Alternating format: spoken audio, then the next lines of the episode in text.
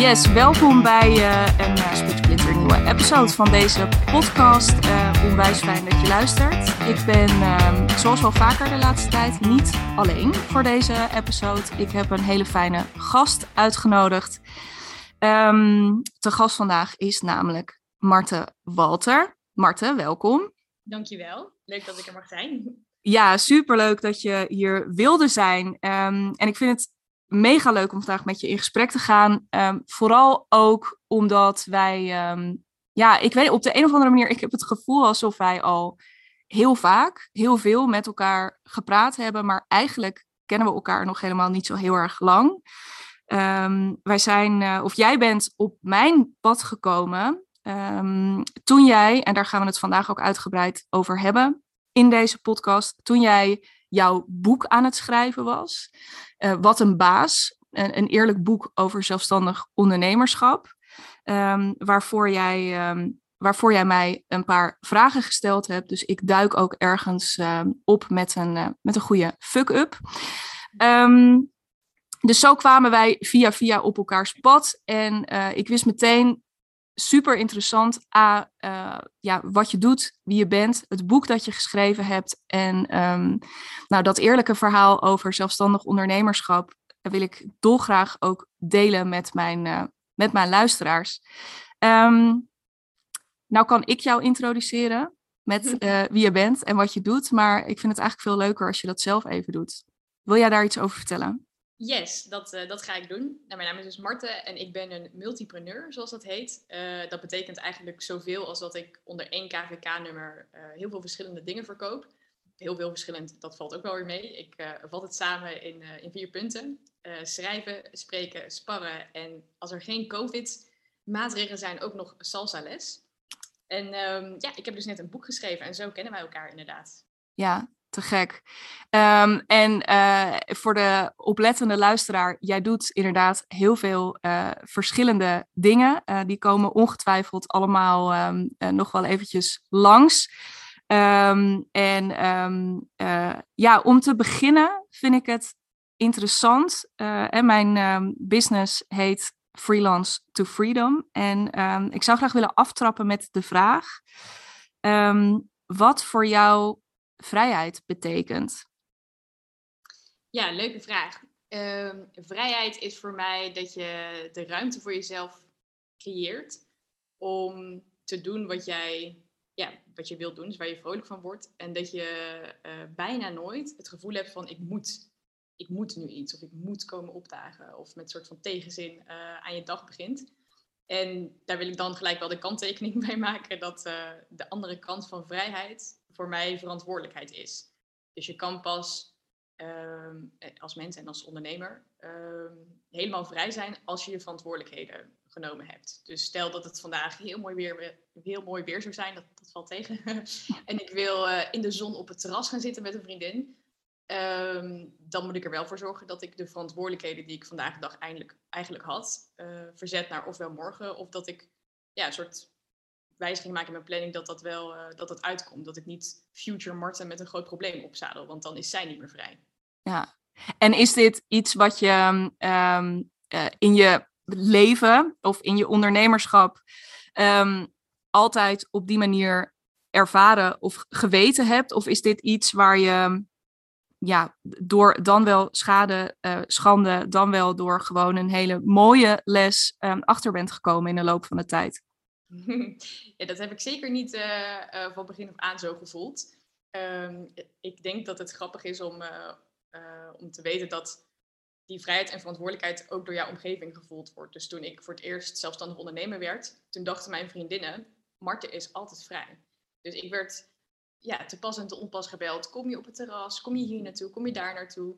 En ehm, zij vergaten daarbij dat ik ook nog gewoon zo mijn verantwoordelijkheden had. En aan de andere kant had ik mijn klanten, die hem juist uh, natuurlijk vooral andersom zagen. Namelijk, Marten is altijd verantwoordelijk. Dus toen ik op vakantie ging en ook wel aankondigde van nou, ik neem mijn laptop niet mee. Dit wordt een vakantie en geen vacation. Uh, heb ik in het begin ook wel eens reacties gehad van ja, maar hoezo niet? Jij bent ondernemer, jij bent toch altijd verantwoordelijk? En ik denk dat ik me in het begin door beide partijen uh, heb laten beïnvloeden. Uh, zowel met mijn vriendinnen, YOLO, die verantwoordelijkheid, die, uh, die gaat wel naar Future Marten. Ik grapte daar ook altijd over. Ach, Future Marten, die meid, die lost dit op voor mij. En tegelijkertijd ook wel onder druk van mijn opdrachtgevers, dat ik toch stiekem die laptop weer meenam op vakantie. Of toch ja, weer een appje kreeg op mijn privételefoon. en het heeft denk ik echt wel een jaar of twee, drie geduurd voordat ik um, realiseerde van hé, hey, vrijheid en verantwoordelijkheid, dat is een soort van een ding wat, wat, wat de twee kanten zijn, zeg maar. Het een kan niet zonder het ander bestaan.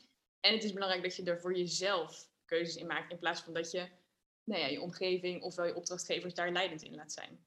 Ja, te gek. Was er, was er een specifieke aanleiding dat je ineens merkte van, oh nee, wacht even, ik heb hier um, keuzes in te maken? Um, ja, dat was denk ik uh, bij het schrijven van mijn eerste boek. De, wat een basis mijn eerste boek helemaal onder mijn eigen naam. Maar daarvoor schreef ik uh, DNA van ontwikkeling, de reisgids van organisatieontwikkeling uh, met Mark ook. En um, dat was natuurlijk een planning om dat boek te maken. En de, in die planning wijzigde wat, net voordat ik op vakantie ging. Dus het zou een vakantie zijn waarin ik mijn laptop niet meenam. Dus die had ik ook niet meegenomen.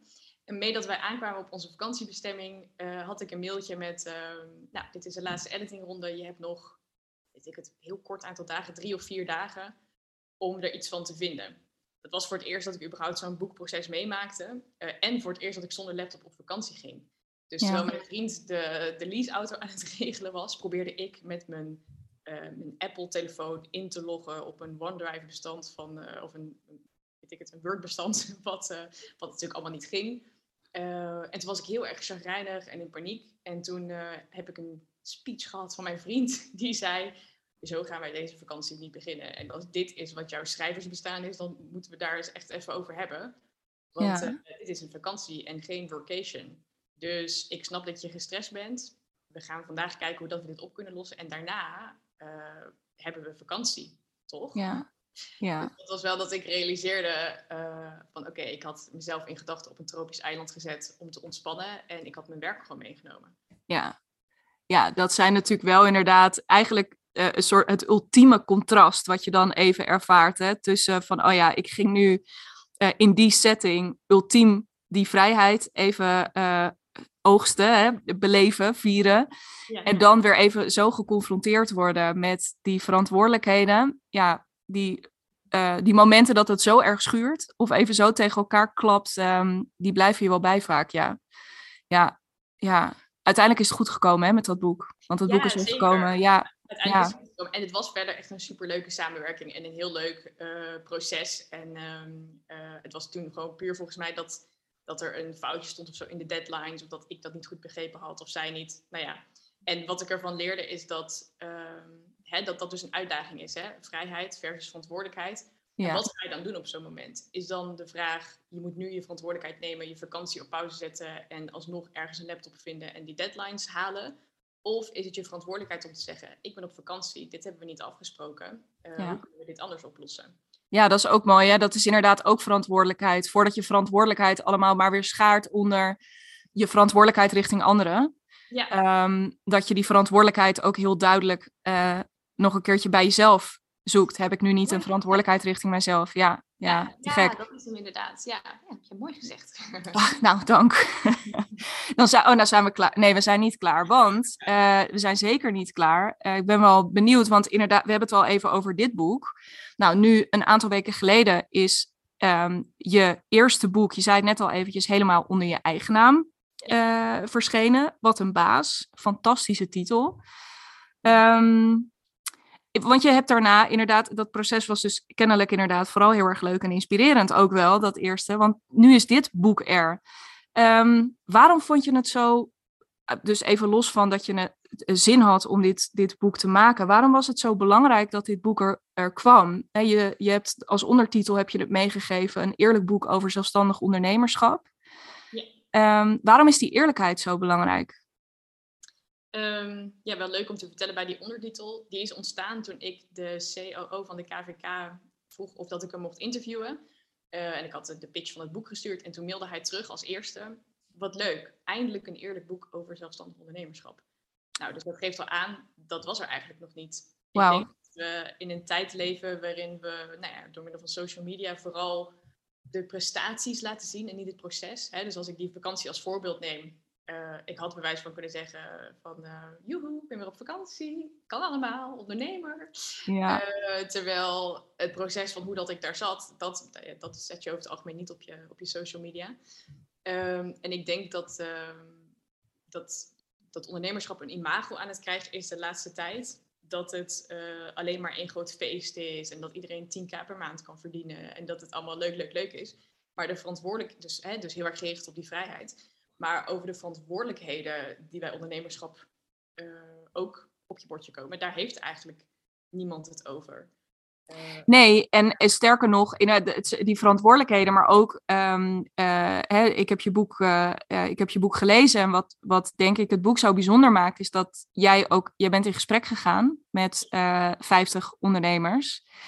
Um, en dat, dat je eigenlijk iedereen ook op zijn of haar manier hoort vertellen um, uh, ja, de, het, het is ook echt een proces waarin je gewoon dingen te doen hebt en dingen te ontdekken hebt. En de ene keer gaat dat fantastisch en de andere keer gaat dat, uh, ja, gaat dat niet helemaal goed.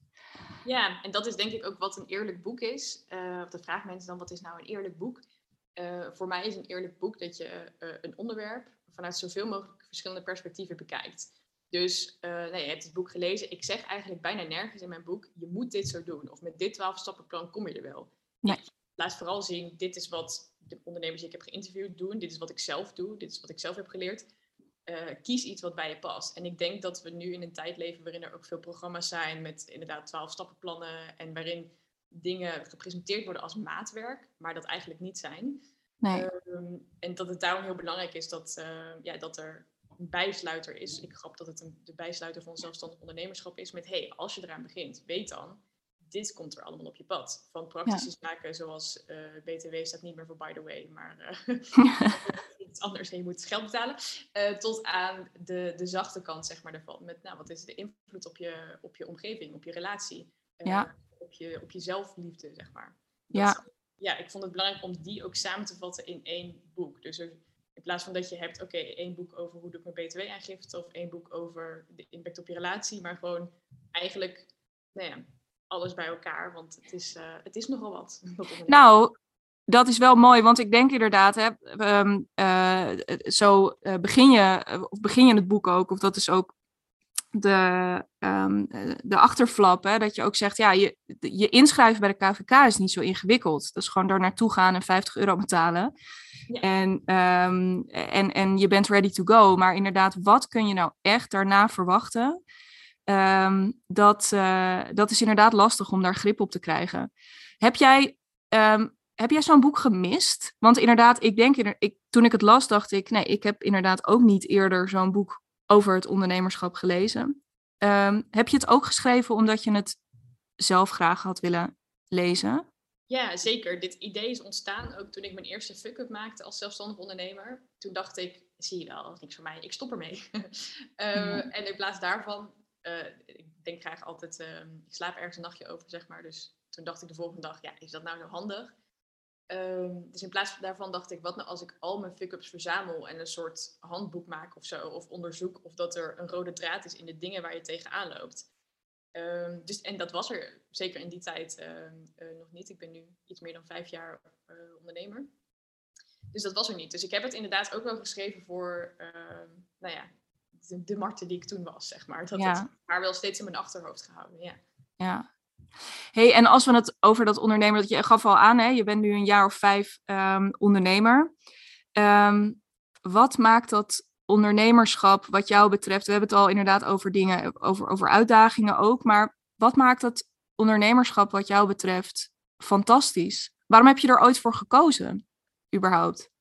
Um, dat zijn twee vragen. Ik begin ja, dat zijn twee vragen in één. Ik realiseer me dat. Laten we beginnen bij de laatste. Ja, ik wilde zeggen, ik begin bij de laatste. Ik heb er ooit voor gekozen uh, omdat ik uh, zou gaan bloggen voor een partij waarbij je per se een KVK-nummer moest hebben.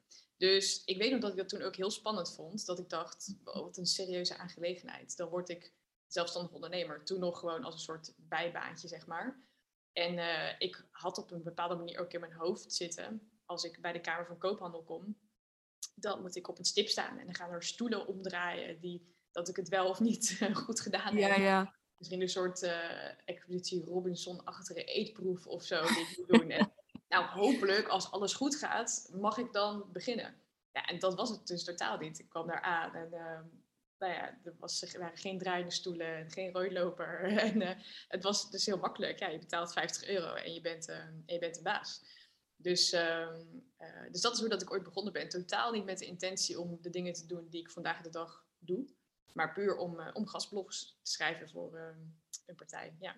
Ja, dus in die zin was het geen, ehm, wa- was het meer noodzaak dan hele bewuste keuze. Ja. Ehm, maar je bent wel, want dat had ook, want die klus is misschien een keertje geëindigd, maar jij bent nog steeds ondernemer. Dus er is iets wat het leuk gemaakt heeft, denk ik, voor je. Ja, ik heb diezelfde dag dat ik me inschreef gewoon op mijn LinkedIn gezet dat ik ondernemer was. Eh, en ik ben van origine HRM'er, dus ik studeerde Human Resource Management. Eh, dus ik kreeg steeds meer aanvragen via LinkedIn eh, of ik HR-gerelateerde dingen wilde schrijven. Dus opleidingen, syllabus. En, en zo ja, werd het eigenlijk steeds groter. Het was nooit mijn intentie, maar dat, dat gebeurde wel. Want als je een opdracht doet en je presenteert daarna goed op je LinkedIn wat je precies gedaan hebt, hè, welke kennis en vaardigheden dat je getraind hebt, ja, dan is de kans groot dat er eh, of een vervolgopdracht of een nieuwe opdracht uitkomt. Dus ik, heb, ehm, eh, ik ben zelf ontzettend fan van LinkedIn en eh, noem daar ook wel wat dingetjes over in mijn boek. Ja. Ik heb LinkedIn ook gewoon gebruikt als, eh als groeimedium, zeg maar. Ik had geen website, maar alles bleef steeds via LinkedIn binnenkomen. Ja, te gek. Heel, heel cool. Ja, ik, maar ik heb ook die ervaring. En zeker in het begin, ik zie best wel veel startende ondernemers ook met, oh ja, en dan moet ik een, dan moet ik een logo en dan moet ik een website en ik moet allemaal dingen. Terwijl ik heel vaak denk, ja, dat kan. Ehm, maar inderdaad, zorg gewoon. De, de, whole point van die, van die website en dat logo is dat je jezelf zichtbaar maakt. Ja, En dat zichtbaar maken, dat kan inderdaad gewoon ook via een medium wat er gewoon ligt voor je. En ehm, ja, LinkedIn is heel interessant. Ehm, daar zouden we apart nog eens een hele podcast over op kunnen nemen, denk ik. Wat vind jij op dit moment? Hè? Want dat is dus, dus het balletje is eigenlijk heel snel heel goed voor je gaan rollen. Dat is wat ik hier een beetje uit opmaak. Ja. Ehm, wat vind je het allerleukste aan ondernemen? Ehm, ik denk dat, de, ja, dat het een vak is. Ik noem het ook een, een vak, ook in mijn boek. Waarbij je, eh, waar, ja, waar ik gewoon heel veel voldoening uit haal. Omdat ik eh, zelf dingen creëer, zeg maar. En alles wat je doet, ja, je draagt de risico's zelf. eh, en de verantwoordelijkheden zijn ook allemaal van jou. Zeker in de, in de rechtsvorm van een eenmanszaak. Ehm, en dat maakt dat de voldoening ook gewoon eh, veel groter is als wanneer je in een organisatie werkt, ehm, maar een klein radartje in het geheel bent en eigenlijk ook niet weet wat er in sommige gevallen wat er, wat, er met jouw bijdrage gebeurt. Dus je, het is heel zichtbaar wat je, wat je doet.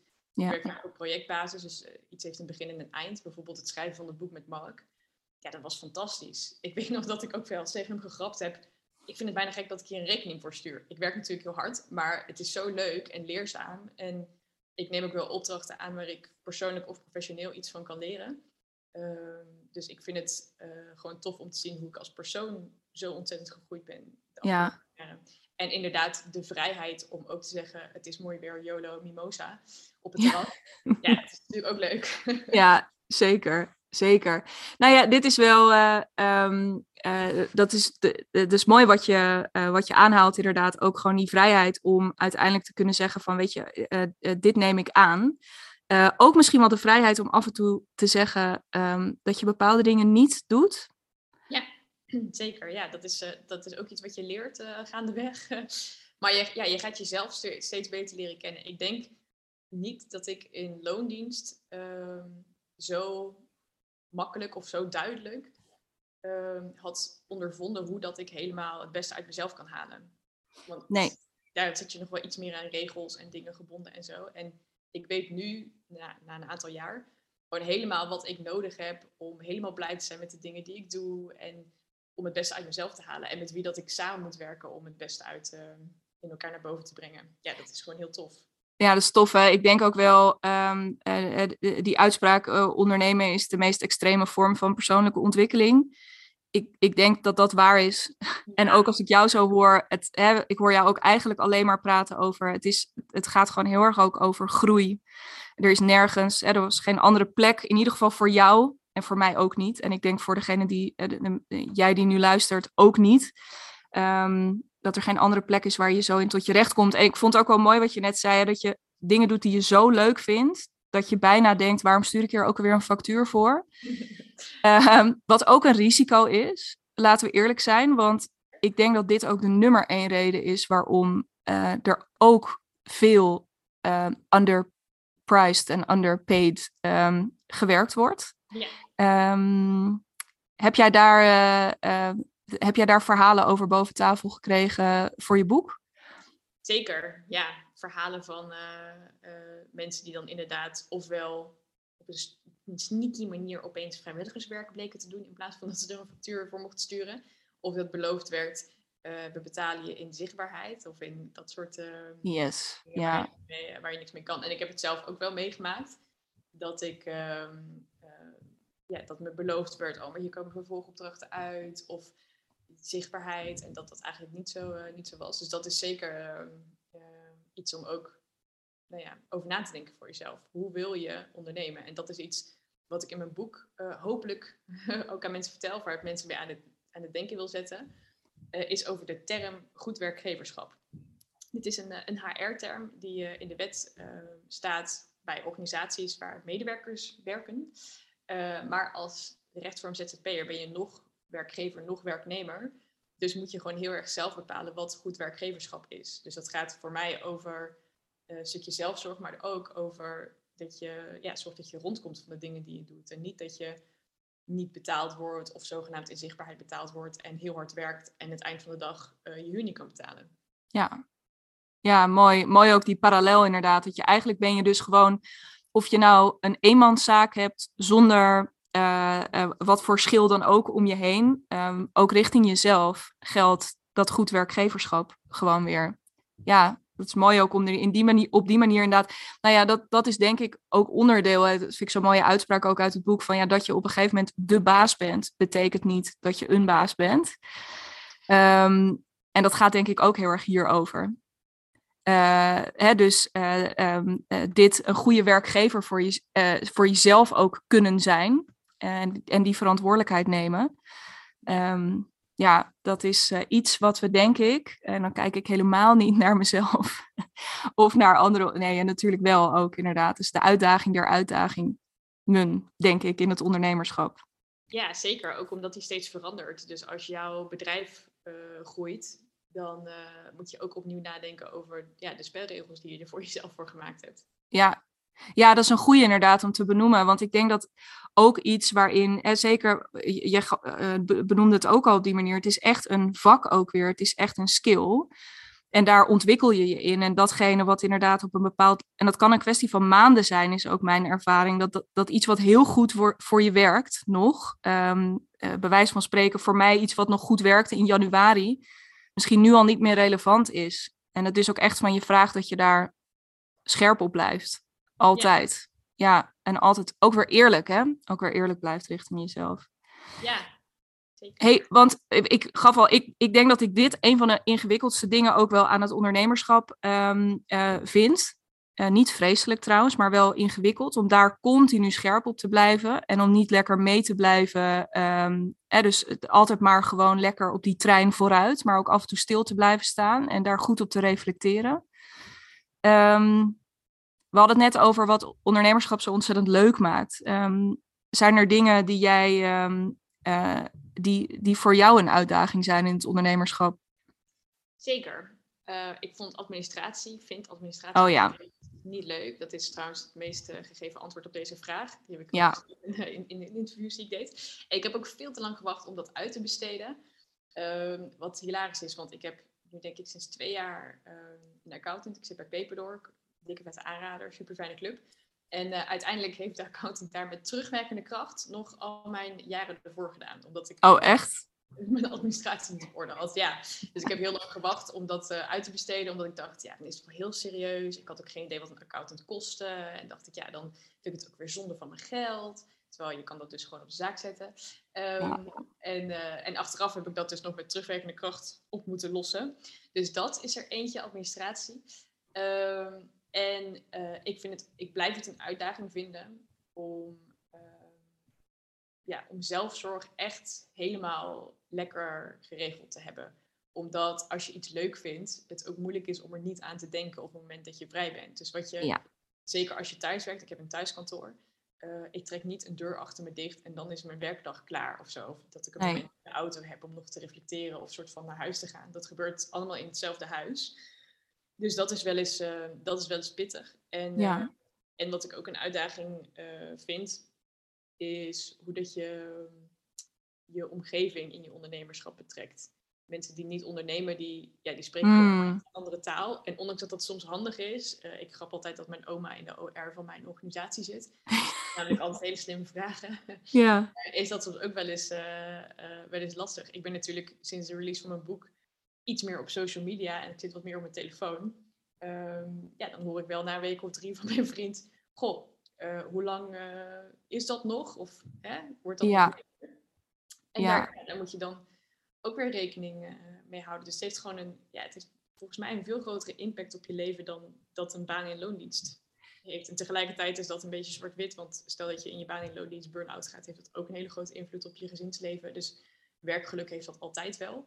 Ja. Ehm, eh, maar ja, met dit soort dingen bijvoorbeeld, dat ik even iets minder in het huishouden gedaan heb, omdat ik druk was met het afmaken van mijn boek. Ja, daar moet je wel goede afspraken over maken. Ja. Nou ja, ik denk dat dat, dat, dat, kijk, alles heeft uiteindelijk, natuurlijk wat jij zegt, eh, net zo goed, stel dat je voor je baan in loondienst eh, veel moet reizen of wat dan ook, en als dat niet per se in eerste instantie jouw keus eh, zou zijn, eh, maar dat dat een tijdje zo is, dan ja, loop je natuurlijk tegen dezelfde dingen aan. Maar ik denk dat het allemaal weer raakt aan waar we het eerder over hadden, ook aan dat je daar dus continu zelf die keuzes in te maken hebt en dat die ook nog wel eens van periode tot periode verschillen. Uh, dus dat dat en dat dat voor jou misschien een soort logisch proces is, omdat je meegaat even op een bepaalde golf. Hè, dat jij ook nu rondom de, het, afronden en het releasen van je boek, um, dat er van alles gebeurt. En dat dat voor je omgeving gewoon inderdaad af en toe wel eens schakelen is, omdat zij niet, mee, niet helemaal mee zijn geweest in dat proces. Ja. Um, en je inderdaad ook echt wel af en toe een andere taal spreekt. Um, uh, dingen worden, dat, dat is mijn ervaring ook wel, met ondernemerschap worden heel veel dingen ook wat meer fluïde. Dus ook dingen als door de week en weekend. Um, uh, nou moet ik zeggen dat ik het best lekker vind, nu we het hierover hebben, dat ik een vent heb die dus niet onderneemt. Omdat we daardoor, als hij weekend heeft, denk ik toch, dat inspireert mij wel, omdat ik denk, oh ja, je kunt gewoon vrij nemen. Ja ik denk als hij dat niet had gedaan, als, als dat niet zo was geweest, dat ik veel meer gewerkt had. Gewoon omdat ik dan, omdat je inderdaad wat jij zegt nooit uitstaat, um, dan was die verleiding veel groter geweest. Um, maar ja, je wordt inderdaad als ondernemer wat meer gedwongen om daar continu zelf afwegingen in te maken. Um, ja, en dat wisselt. En dat is inderdaad niet altijd even begrijpelijk voor uh, de mensen om je heen. Ja, je moet het um, gewoon goed, goed aankondigen. Ik heb als grapje in mijn boek ook een bijsluiter voor de partner van de ondernemer. Ja. Een beetje weet wat je kan verwachten. Die is ook als de download te vinden op mijn website, dat je die nog los onder iemand zijn neus kan duwen. Um, en ik denk dat het allemaal te maken heeft met verwachtingsmanagement. Dus ik had bijvoorbeeld gedacht, oh, als mijn boek af is, dan ben ik weer rustig. Ja. Dat is echt niet waar, want dan begint het eigenlijk pas. Dan beginnen de interviews en de marketing en alles wat erbij komt kijken. Dus ik had dat uh, qua huishouden niet goed aangekondigd. Ik had eigenlijk ja. geloofd, ik ben dan rustiger. Uh, en dat bleek niet zo te zijn. Dus dan is er een moment, moet er een moment komen dat je uh, even samen zit en een soort van overlegje hebt. Hè, want een huishouden is ook een soort van organisatie. Zeker. Toch nog niet helemaal rustiger. Wat, wat kunnen we daarover afspreken? En Ja. soms is de oplossing dat als de ene partner wat drukker is, dat de ander wat meer doet in het huishouden. Maar je kan bijvoorbeeld ook structureler denken naar, moeten we niet gewoon een, een poetsjuf gaan invoeren? Ja, zeker. Dus dat zijn wel uh, ook leuke dingen om, uh, uh, om over na te denken, als je het maar goed blijft afstemmen samen. Ja, grappig hè? Hoe dus heel veel ondernemerschap helemaal niet zo heel erg over het ondernemerschap ook direct gaat. Ook in deze pot nu waar wij het met elkaar over hebben, dat dit inderdaad, dat, dat het zo zijn weerslag vindt um, op andere vlakken van je leven.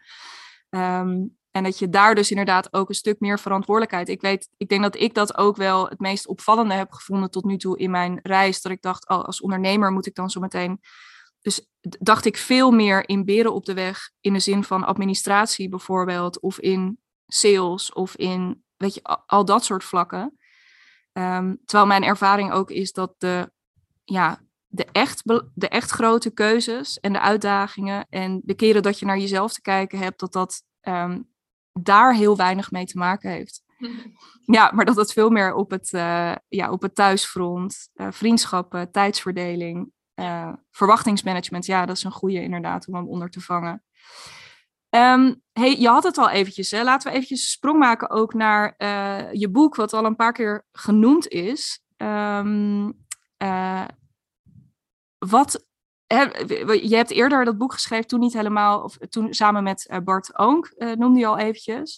Ja. Deze keer zelf. Dus kennelijk heb je, het heb je het heel leuk gevonden, ook die eerste keer. Dat benoemde je ook al eventjes. Wat maakt een boek schrijven zo fantastisch? Um, ik weet niet of fantastisch het goede woord is. Uh, ik denk ook dat het heel anders is om alleen een boek te schrijven als met iemand samen. Uh, maar eigenlijk is het een soort onderzoek wat je, wat je doet. En um, ja, ik heb altijd het idee dat, ik denk een beetje zoals, volgens mij was het uh, Michelangelo die dat zei. Dat als hij naar een grote steen keek, dan zei hij, ja, het kunstwerk zit er alleen. Zit er ja. al, ik moet alleen de overtollige steen nog weghakken, zeg maar. Zo voelt het voor mij ook om een boek te schrijven. Dus als ik echt in de flow achter mijn laptop kan zitten, dan komt het soort van als inspiratie door me heen, zeg maar. Ja. En verder is een boek schrijven ja, ook wel gewoon heel erg moeilijk. Ik heb echt onder een steen geleefd uh, de, tijd dat ik het aan het schrijven was. Los van dat ik af en toe nog interviews deed. Want het vergt gewoon heel veel uh, ja, aandacht. En uh, als je een column schrijft, kan je best wel onthouden wat je uh, in alinea 1 en 2 zet. En wat er dan nog in alinea 3 moet komen. Maar ja, probeer maar eens een boek helemaal te onthouden. Dat is bijna niet te doen. Gelukkig werkte ik met een uitgever. Dus dan heb je mensen die met je meedenken, redacteuren en een eindredactie. Dus dan wordt het daardoor gelukkig wat makkelijker. Uh, maar eigenlijk is het, heel, is het echt wel pittig om een boek te schrijven. Als je niet heel gepassioneerd bent over dat wat je wil delen, dan raad ik het ook van harte af. In die zin. Ja. Hoe, hoe lang heb je er al met al uh, over gedaan tussen het ontstaan van het idee en dat het uh, bij de drukker lag? Het idee is echt vijf jaar geleden. Dus het ja. idee heeft, heeft lang in mijn hoofd gezeten. Uh, en vanaf het eerste interview tot aan dat het boek er was, en is dus wel wat langer geweest door COVID, denk ik dat het zo'n twee jaar geduurd heeft. Ja. Zoiets, ja. Ja, nou ja, jij hebt er in die zin inderdaad, bij jou is het, is het, het, het is letterlijk ook echt een onderzoek geweest. Um, uh, er zijn momenten geweest waarop jij zelf in flow achter die laptop kon zitten. Maar je hebt natuurlijk ook echt, je hebt heel veel interviews afgenomen met mensen. Dus het, het is ook echt een heel. Um, het is ook een, een, arbeidsintensief project geweest wat je hebt opgepakt. Waarom vond je het belangrijk dat het. Dat het uh, en je gaf net al eventjes aan van je wilde zoveel mogelijk verschillende kanten. Uh, om er echt een eerlijk boek van te maken. Maar waarom vond je het zo belangrijk om er om 50 ondernemers erin te hebben? Was 10 niet genoeg geweest? Ja, leuke vraag.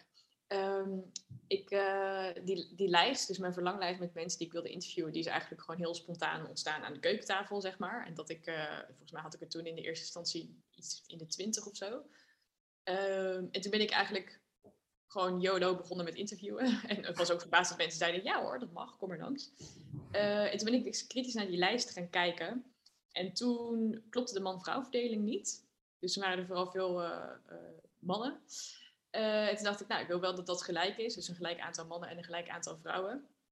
Ik vond het interessant om mensen vanuit verschillende rechtsvormen te interviewen. Dus niet alleen eenmanszaken, maar ook uh, BV's, VOF's en grotere organisaties. En ik vond het ook nog belangrijk dat ik uh, niet alleen maar, ja, niet, niet, niet uit één cultuur, zeg maar, mensen ook nog interviewen. Dus ik vond het ook nog boeiend om nog ja, vanuit allerlei culturen mensen te spreken. Ja. Dus zo is de lijst eigenlijk gegroeid. En als ik er nu op terugkijk, denk ik 50 uh, eh, is echt veel. Was niet per se nodig. Hadden er ook wel minder kunnen zijn. Um, uh, en tegelijkertijd, um, ja, als je zo'n onderzoek doet, komt er een moment dat je, dat je het sponsen, zoals mijn uitgever dat noemde, ja. dat, dat, voorbij, dat dat voorbij is en dat je niks nieuws meer hoort. Dus ik wilde eigenlijk doorgaan tot ik echt niks nieuws meer zou horen. En oprecht, ik heb in het allerlaatste gesprek wat ik had nog nieuwe dingen gehoord. Dus dat, ja is ook wel weer boeiend. Dat je denk ik uh, nooit echt uitgeleerd bent. En uiteindelijk ook gewoon voor jezelf een streep moet trekken van oké, tot hier. Ja. Veel dingen heb ik wel vaker gehoord, maar uh, ja, het bleef ook gewoon interessant. Het is heel leuk om met ondernemers te praten, vind ik. Ja, wat maakt dat zo leuk? Omdat het vaak hele gepassioneerde mensen zijn. Uh, wat ik leuk vind is dat mensen ook uh, heel behulpzaam zijn. Ondernemers willen elkaar ook helpen. Dus dat is meteen een advies. Als je ondernemer bent en je zit een keer ergens vast of zo, denk niet meteen dat je duizenden euro's moet betalen voor uh, bijvoorbeeld een coachingprogramma of zo. Soms mag je ook gewoon aan een ondernemer vragen: hey, wie kan over dit onderwerp meedenken? En willen de meesten echt wel gratis of vrijblijvend even met je sparren. Kijk, en als dat op regelmatige basis gebeurt, dan kan je natuurlijk daar een factuur voor sturen. Maar uh, zo, zeg maar, even los van, van, van grote problemen en zo, is dat, heel, is dat heel erg mogelijk. Dus ik vond dat heel leuk. Dat mensen ook, ja, mensen hebben echt een boekje open gedaan over hun ervaringen. En uh, ja, het waren gewoon hele mooie, kwetsbare gesprekken. Dat was Had je dat verwacht van tevoren, dat, dat mensen zo eerlijk tegen je zouden zijn? Uh, nee, eigenlijk niet. Omdat het natuurlijk ook leuk is om je prestaties te laten zien. Kijk eens wat hier allemaal is. uh, en ja, daarom vond ik het extra leuk dat mensen ook wel het proces in kaart durven te brengen. Dat, ze niet, uh, dat de meesten niet zomaar op het paard getild zijn van nou, dit is het. En ja, alsof er niks aan vooraf gegaan is of zo. Ja, ja, te gek. Hey, en je zei al eventjes hè, van nou, ik, ik zou het niet per se aanraden. Of ik zou het, het schrijven van een boek niet per se als fantastisch willen omschrijven. Um, wat is wat jou betreft, hè, want ik kan me best wel voorstellen, ik, het geldt voor mij, ik kan me ook best wel voorstellen dat er mensen luisteren die, ik geloof dat dat een van de meest voorkomende wensen is van yeah. Nederlanders om een boek te schrijven. Yeah. Um, Um, wat maakt, als we, als we dan toch even eerlijk zijn, een, eer, een eerlijk boek over een boek schrijven, nou wie weet uh, komt dat nog een keertje uh, van jouw hand. Um, nee, maar wat, wat, ja, wat was nou echt de, de, grootste uitdaging in dat proces? Wat, ja, wat viel gewoon ronduit tegen eigenlijk? Um, van het schrijven van het boek. Ja ik denk dat ik wel tegen mijn eigen perfectionisme ben aangelopen, zeg maar. Ik ben het nu zelf aan het lezen, omdat ik binnenkort ook interviews krijg van mensen die het boek gelezen hebben en dus wat diepere vragen stellen. Ja. Uh, en dan denk ik echt bij sommige stukken, oeh, hier denk ik nu alweer anders over. Dus wat ik heel spannend vind aan een boek schrijven, is dat het geprint is zwart op wit. En je kan niet, uh, ja, als het eenmaal gedrukt is, kan je niet nog zeggen, oh, dit bedoel ik eigenlijk niet zo of zo. Dus het is heel spannend om een standpunt in te nemen. Want mensen gaan er iets van vinden. Je vindt er zelf natuurlijk ook wat van. Ja. Uh, om een voorbeeld te noemen, ik noem volgens mij ergens in een hoofdstuk heb ik het over cortisol en dan noem ik het als stresshormoon. Nadat mijn boek af was, ben ik een heel boeiend boek gaan lezen over hoe emoties werken in het brein. En daar zeggen ze nee, cortisol is gewoon een hormoon en wij worden de reputatie stresshormoon opgepakt. Oh ja. En daarom praten we onszelf aan dat we gestrest zijn als we cortisol uh, hebben. Terwijl het soms ook je in de get ready stand brengt en dat je gewoon je lekker aan het klaarmaken bent voor die presentatie die je gaat geven of de afbaan in de Efteling waar je in zit. Dus het is allemaal niet, het is niet zo gestrest als dat je denkt. Nou ja, vond ik bijvoorbeeld boeiend. denk ik, hé, jammer, in mijn boek staat het wel zo. Ja. dus, uh, dus, dat innemen van een, van een standpunt, uh, dat is heel spannend om te doen. Um, en tegelijkertijd, stel dat er een tweede druk komt, dan kan je natuurlijk ook weer dingen aan laten, laten passen. En uh, ja, er gaat gewoon heel veel tijd in zitten. Wat ik, ja, wat ik al zei, het is meer niet het schrijven zelf, maar de gevolgen van het schrijven die, die best wel intens zijn. Ja, ja, want dat is misschien ook wel, hè, die gevolgen, kan ik me zo voorstellen dat het ook, dat, dat zijn natuurlijk prettige gevolgen, want het geeft jou, um, uh, ja, het, het, geeft je een podium regelmatig. Ik bedoel, je zit nu hier bij mij, maar je hebt de afgelopen weken, heb ik je op diverse plekken ook wel eh, voorbij zien komen. Um, wat merk je tot nu toe? Wat, een, um, uh, ja, wat, het, wat dit boek voor jou doet? Um, ik denk dat als je naar het businessmodel van een boek kijkt, zeker als je met een uitgever uitgeeft, dan werk je met royalties. Dus dan krijg je één keer per jaar uitbetaald. Uh, en het is dan een percentage van, uh, van de verkoopprijs, die je ook niet zelf bedenkt. Dus, uh, en dat is gewoon niet, dat is algemeen bekend, dat is niet heel groot. Dus dat is heel gek. Dat iets 100% jouw idee is en dat je er uiteindelijk een x-percentage aan overhoudt. Um, dus dat, dat, is, dat, dat is goed om te weten. Als je een boek met een uitgever schrijft, dan werkt dat zo. Maar je, tegelijkertijd dragen zij ook de kosten van de marketing en het maken van het boek. Um, dus wat interessanter is, is zeg maar de spin-off van een boek. Dus inderdaad te gast zijn in podcasts of interviews en de dingen die daaruit komen rollen. Dus sowieso wat het me gebracht heeft, het schrijven van het boek, is een gigantisch netwerk. Ik heb er zelf al vier verschillende opdrachten uitgehaald. Ja. Dus dat is leuk. En wat ik nu merk is dat, ehm, ja, dat mensen toch aan het lezen zijn. Het heeft al wel wat positieve reviews gekregen, gelukkig. En ik kreeg vorige week ook een berichtje van iemand die ik niet kende die uh, startend ondernemer is en zei van, oh wat fijn, de herkenbaarheid van de, van de verhalen van andere ondernemers. Dat is heel fijn, dat ik voel, ik ben niet de enige. Dat ja. vind ik een heel groot compliment, dat de kwetsbaarheid die ik zelf zo fijn vond in die interviews, dat die ook gevoeld wordt door de lezer. Ja. Uh, en dat we vaak denken, als je in je eenmanszaak, in je eentje aan het doen ja. bent, je ook verkoopt, van oh, ik ben niet zo alleen. Maar dat ben je dus eigenlijk nooit. Dus dat, ehm, ja, dat was fijn. Dat mensen zich een soort van getroost voelen door dat boek. En dat, ik heb het niet geschreven om er rijk van te worden. Dat hoor je over het algemeen niet als je een boek schrijft. Tenzij het een bestseller wordt en nog verfilmd wordt. Dat is in dit boek natuurlijk niet echt het geval. wordt een hele uitgebreide cast. Dat is er inderdaad 50. Uh... Eh.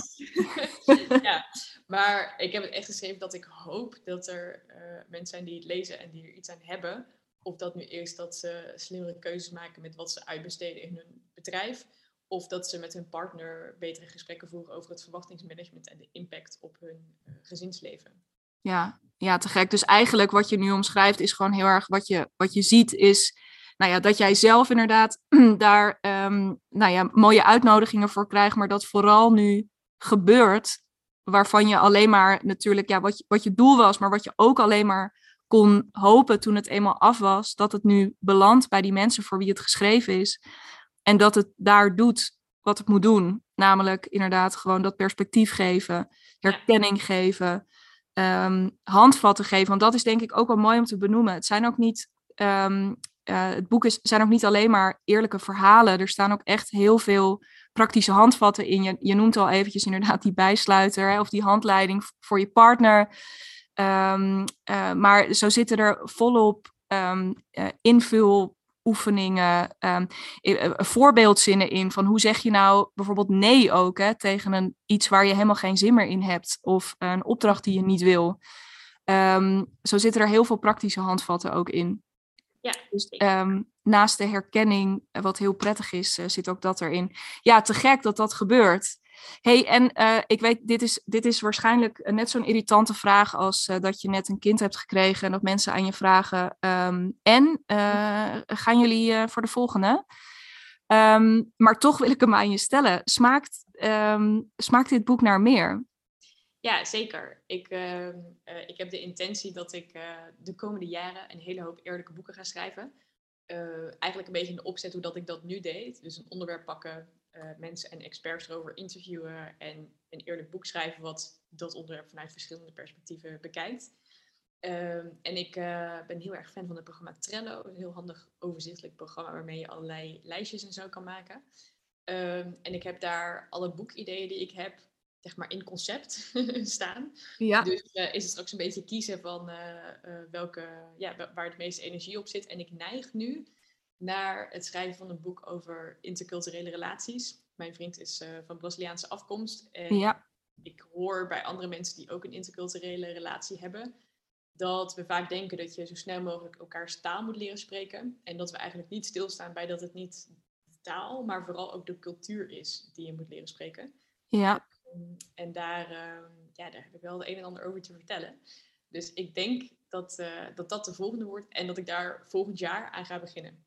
Te gek. Ja, heel cool. En uh, heel boeiend onderwerp inderdaad. Sowieso, um, uh, ik ben afgestudeerd op interculturele communicatie.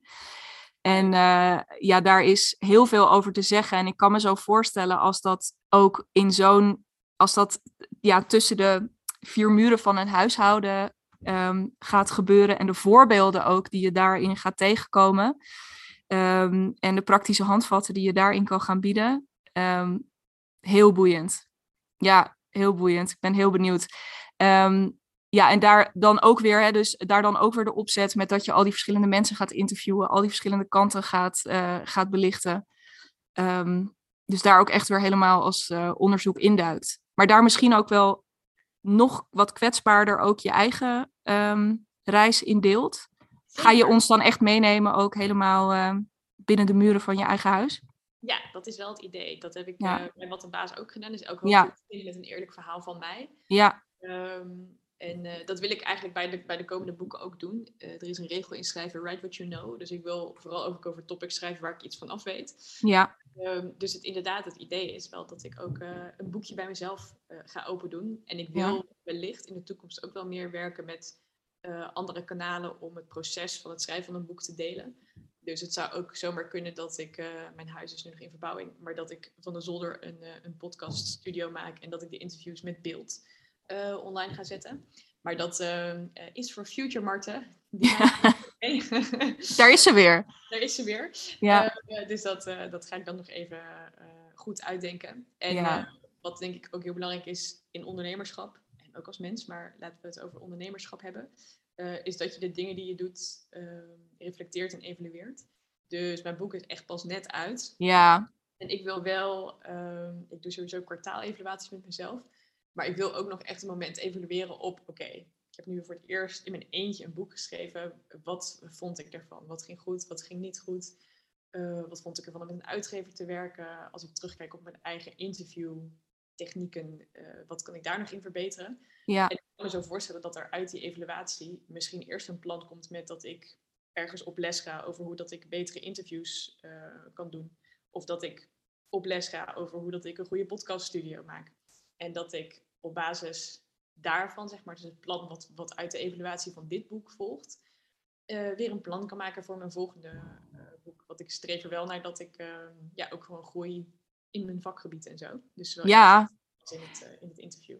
Nou, super mooi dat je dat benoemt. En ik, en ik denk inderdaad ook heel goed. Ik zei het net al eventjes. De vraag is ergens van mijn kant ook flauw. Want ik denk dat je. Nee, ik was er. Ik ben oprecht gewoon heel erg benieuwd naar. En we hebben daar natuurlijk eerder ook al wel gewoon onder ons over gepraat. Uh, vandaar dat ik er zeker naar wilde vragen. Maar ergens nog even los van wat je nu noemt. Inderdaad, van het, het leren en het evalueren en het reflecteren.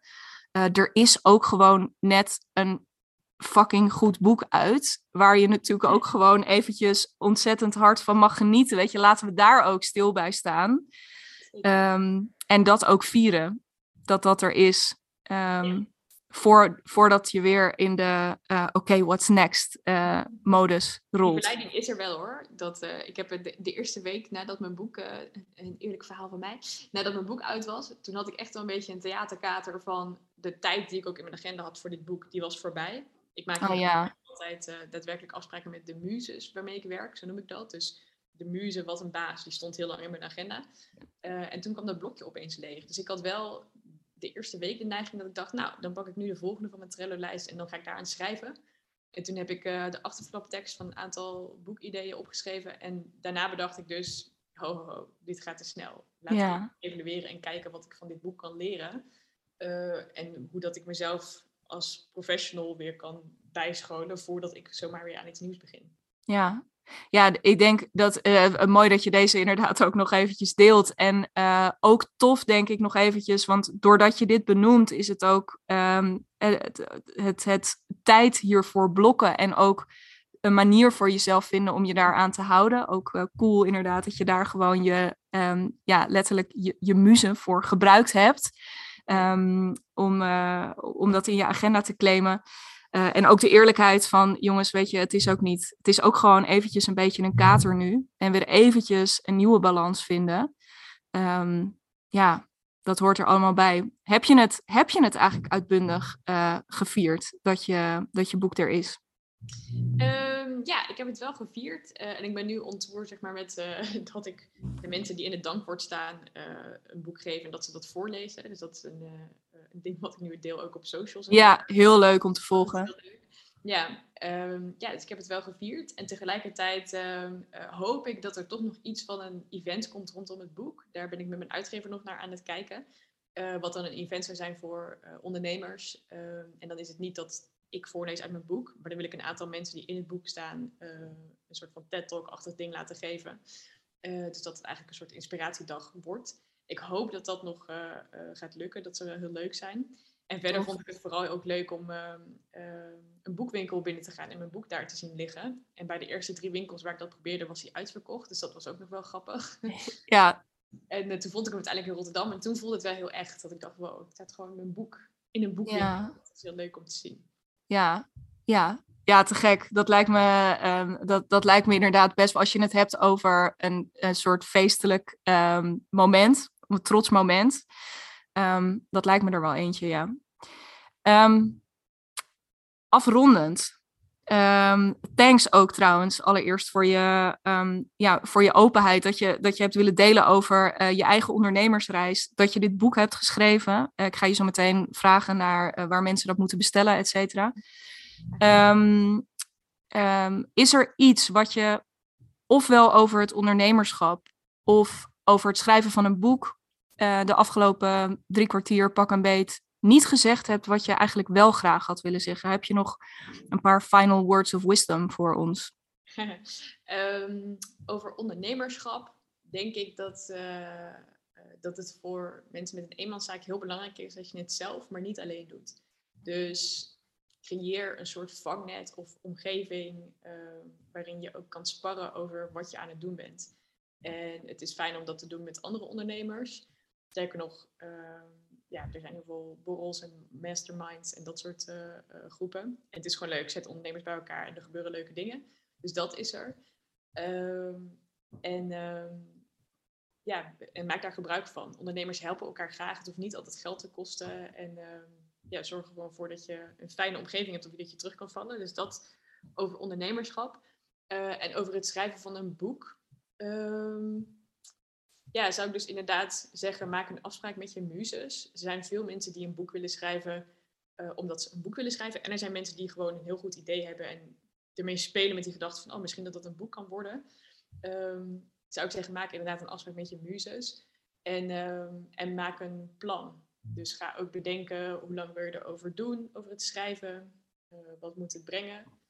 En uh, dan wordt het denk ik een stuk, uh, een stuk makkelijker. En ook daar wees niet bang om om hulp te vragen. Want er zijn ook genoeg schrijvers die willen sparren over hoe het is in de Writer's Cave. Ja, ja.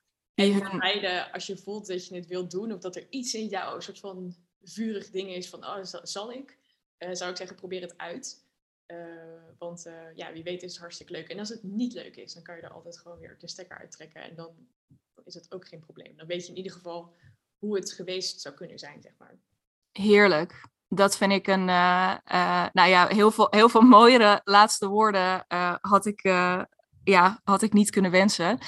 Um, inderdaad, probeer het. Als je, als je het gevoel hebt dat er ergens iets aan interesse gesparkt is, um, ga daarmee aan de slag. Maar inderdaad, ook wat jij zegt, uh, het is ook wel echt, het is ook een project wat je aangaat. Dus zorg voor een plan. En als je zelf geen idee hebt waar je moet beginnen, vraag mensen. Uh, in het kader daarvan, niet dat ik nu wil oproepen dat allemaal mensen jou massaal gaan bestoken met 1 miljoen vragen, maar toch, waar kunnen mensen jou vinden als ze meer over je willen weten? Um, vooral via mijn Instagram, is uh, marten.maakt. Um, en als je daar een berichtje stuurt, dan, ja, dan, dan kun je me daar vinden. Ja, mag je. Ben ik ook te vinden, Marten Walter is mijn achternaam. Ik wou net zeggen, volgens mij inderdaad, uh, ik zie jou uh, echt heel regelmatig uh, hele fijne dingen delen op LinkedIn. Dus dat is ook echt een mooie plek, denk ik, om met jou te connecten. Um, belangrijker, of in ieder geval minstens zo belangrijk, waar kopen ze je boek? Uh, dat kan in de boekwinkel. In, de, in sommige ligt die al, zo niet, dan kan je hem daar uh, vragen. Uh, of via managementboek.nl. Top. Marten, onwijs bedankt voor um, een heel eerlijk gesprek over mhm. je boek. een heel eerlijk gesprek over jouw ondernemerschap. En um, dankjewel voor al je tips en wijsheid die je hebt willen delen. En uh, natuurlijk ook aan iedereen die geluisterd heeft hier de oproep. Um, ga inderdaad, ga naar je boekhandel. Um, bestel dit boek. En het maakt echt niet uit of je net uh, een maand gestart bent of op het punt staat om te starten. Of dat je al uh, jaren bezig bent. Um, het boek is echt een feest der herkenning. Het is het, ongeacht op welk punt je in je ondernemerschap staat, echt een, een feest om te lezen. Dus bestellen, zou ik zeggen. Uh, Marten, thanks.